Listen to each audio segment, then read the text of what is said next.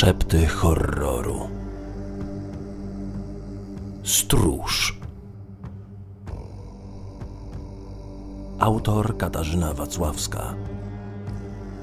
Występują Maciej Kozakoszczak, Maciej Dybowski.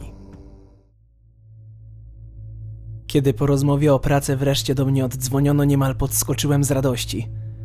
Przez ostatnie miesiące moje oszczędności gwałtownie stopniały. Poprzedni pracodawca pożegnał się ze mną w niezbyt elegancki sposób. Początkowo przebierałem w ofertach, lecz z czasem zacząłem wysyłać CV gdzie popadnie. Zaproszono mnie na kilka spotkań. Za każdym razem obiecywano mi, że ktoś się odezwie. Tymczasem telefon milczał jak zaklęty aż do dziś. Mam stawić się na nocną zmianę. Dziś o 22 rozpoczynam nowy rozdział życia. Praca w charakterze stróża nocnego może nie jest szczytem marzeń, ale przynajmniej nie umrę z głodu. Na miejsce przybywam kwadrans wcześniej. Dziarskim krokiem udaje się do niewielkiego, bo liczącego zaledwie dwa pomieszczenia, budynku stróżówki.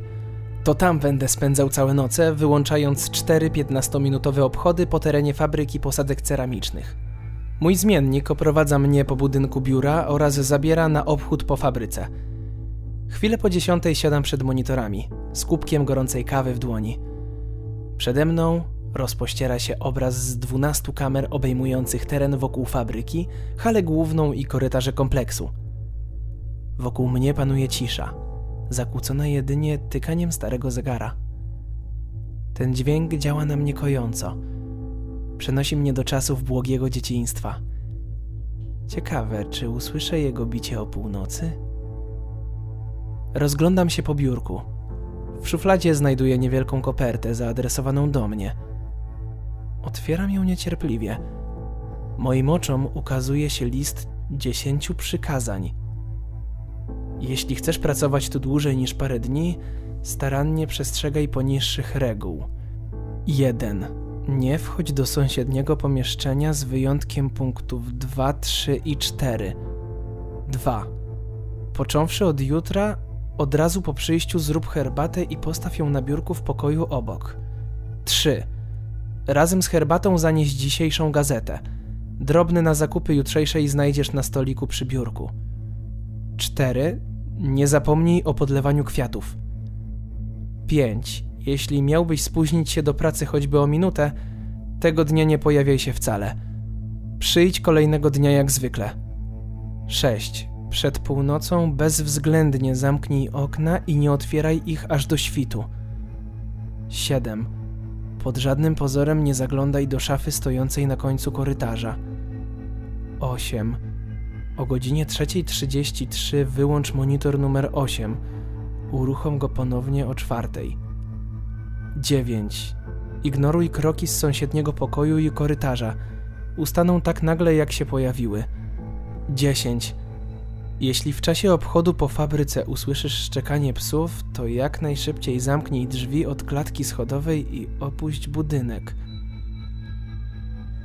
Co to ma być? Czy ktoś stroi sobie ze mnie żarty? Kto siedzi w pokoju obok? Ten cały dekalog wydawał mi się nie mieć większego sensu, ale na wszelki wypadek trzymam go pod ręką. Mijają pierwsze godziny mojej zmiany. Przed wyjściem na obchód zamykam okno w korytarzu. Chwilę po trzeciej parzę sobie kolejną kawę. Kiedy dopijam ostatni jej łyk, dochodzi w pół do czwartej. Biję się z myślami. Wyłączyć monitor numer 8, czy nie? A co jeśli ktoś chce mnie wyprowadzić w pole i w tym czasie zamierza obrabować fabrykę? Ostatecznie coś podpowiada mi, aby jednak działać zgodnie z instrukcjami. Na chwilę przed czwartą ponownie uruchamiam monitor. Kompletnie nic się nie dzieje. Pierwsza noc upływa mi spokojnie. Następną zmianę zaczynam od zaniesienia do sąsiedniego pokoju herbaty wraz z gazetą.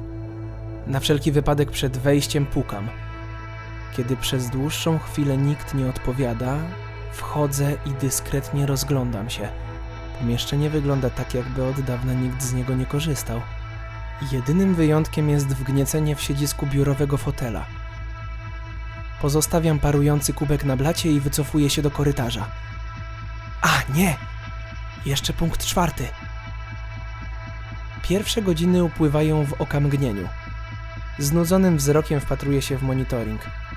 Z monotonii wyrywa mnie bicie zegara. Czas na obchód. Kiedy wychodzę na korytarz, przez moment słyszę jakieś dźwięki dobiegające z pokoju obok. Szelest gazety? Naprawdę chciałbym zajrzeć do środka, ale zasady 1 i 9 skutecznie mnie powstrzymują. Przed wyjściem zerkam jeszcze na szafę stojącą na końcu korytarza. Co do cholery może być w środku? To miejsce jest naprawdę dziwne. Przechadzka po obiekcie na chwilę mnie rozbudza, ale po pierwszej znowu dopada mnie senność. Kolejna kawa niewiele pomaga. Wstaję od biurka, przestępuję z nogi na nogę. W radiu grają jeden z moich ulubionych kawałków. Nucąc pod nosem zasiadam przed monitorami. Moje powieki stają się nieznośnie ciężkie. Lecz nagle ruch na jednym z ekranów sprawia, że otwieram oczy szeroko. Na monitorze 8 dostrzegam postać, która gwałtownie zbliża się do kamery. Nie wydaje mi się. Patrzy wprost na mnie. Kim lub czym do cholery jest? To, co widzę, przypomina wyglądem starszego mężczyznę w eleganckim smokingu i cylindrze, lecz nie widzę dokładnie. Jest jakby rozmyty. Nie ma wyraźnych konturów. Jego oczy, pozbawione źrenic, wpatrują się we mnie natarczywie. Choć próbuję, nie mogę oderwać wzroku. Serce wali mi jako szalałe. Całe moje ciało obezwładnia nieznany dotąd strach. Nie jestem w stanie choćby ruszyć palcem. Jedynie kątem oka udaje mi się zerknąć na wiszący na ścianie zegar. Zaraz! Czwarta! O cholera, zapomniałem o regule numer 8. Mrugam kilka razy i ponownie spoglądam na monitor. Tego czegoś już tam nie ma. Oszołomiony wytaczam się przed budynek. Chłodne powietrze poranka pozwala mi powoli dojść do siebie. Dziarskim krokiem wchodzę na teren fabryki. Zmierzam wprost do pomieszczenia obserwowanego przez kamerę numer 8. Tak jak się spodziewałem. Ktoś tam był. Nie pozostawił po sobie żadnego śladu. Niespiesznie sprawdzam resztę pomieszczeń. Chwila. Czy tym dźwiękiem z oddali było szczekanie psów? Skąd one się tu wzięły? Nie zwlekając, biegnę wprost do drzwi prowadzących na klatkę schodową i zamykam je z hukiem. Pędem wybiegam z budynku fabryki. Szczerze mówiąc, nawet nie sądziłem, że mogę być tak szybki. Zdyszany, zasiadam przed monitorami. Jestem kompletnie roztrzęsiony.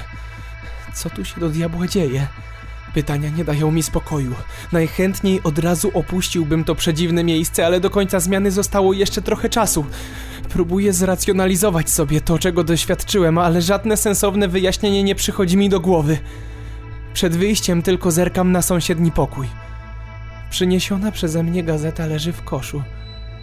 Wygląda na to, że ktoś tu ze mną jednak przesiaduje. Pytałem o to mojego zmiennika, ale stanowczo zaprzeczył. Ten pokój od wielu lat stoi pusty, odparł.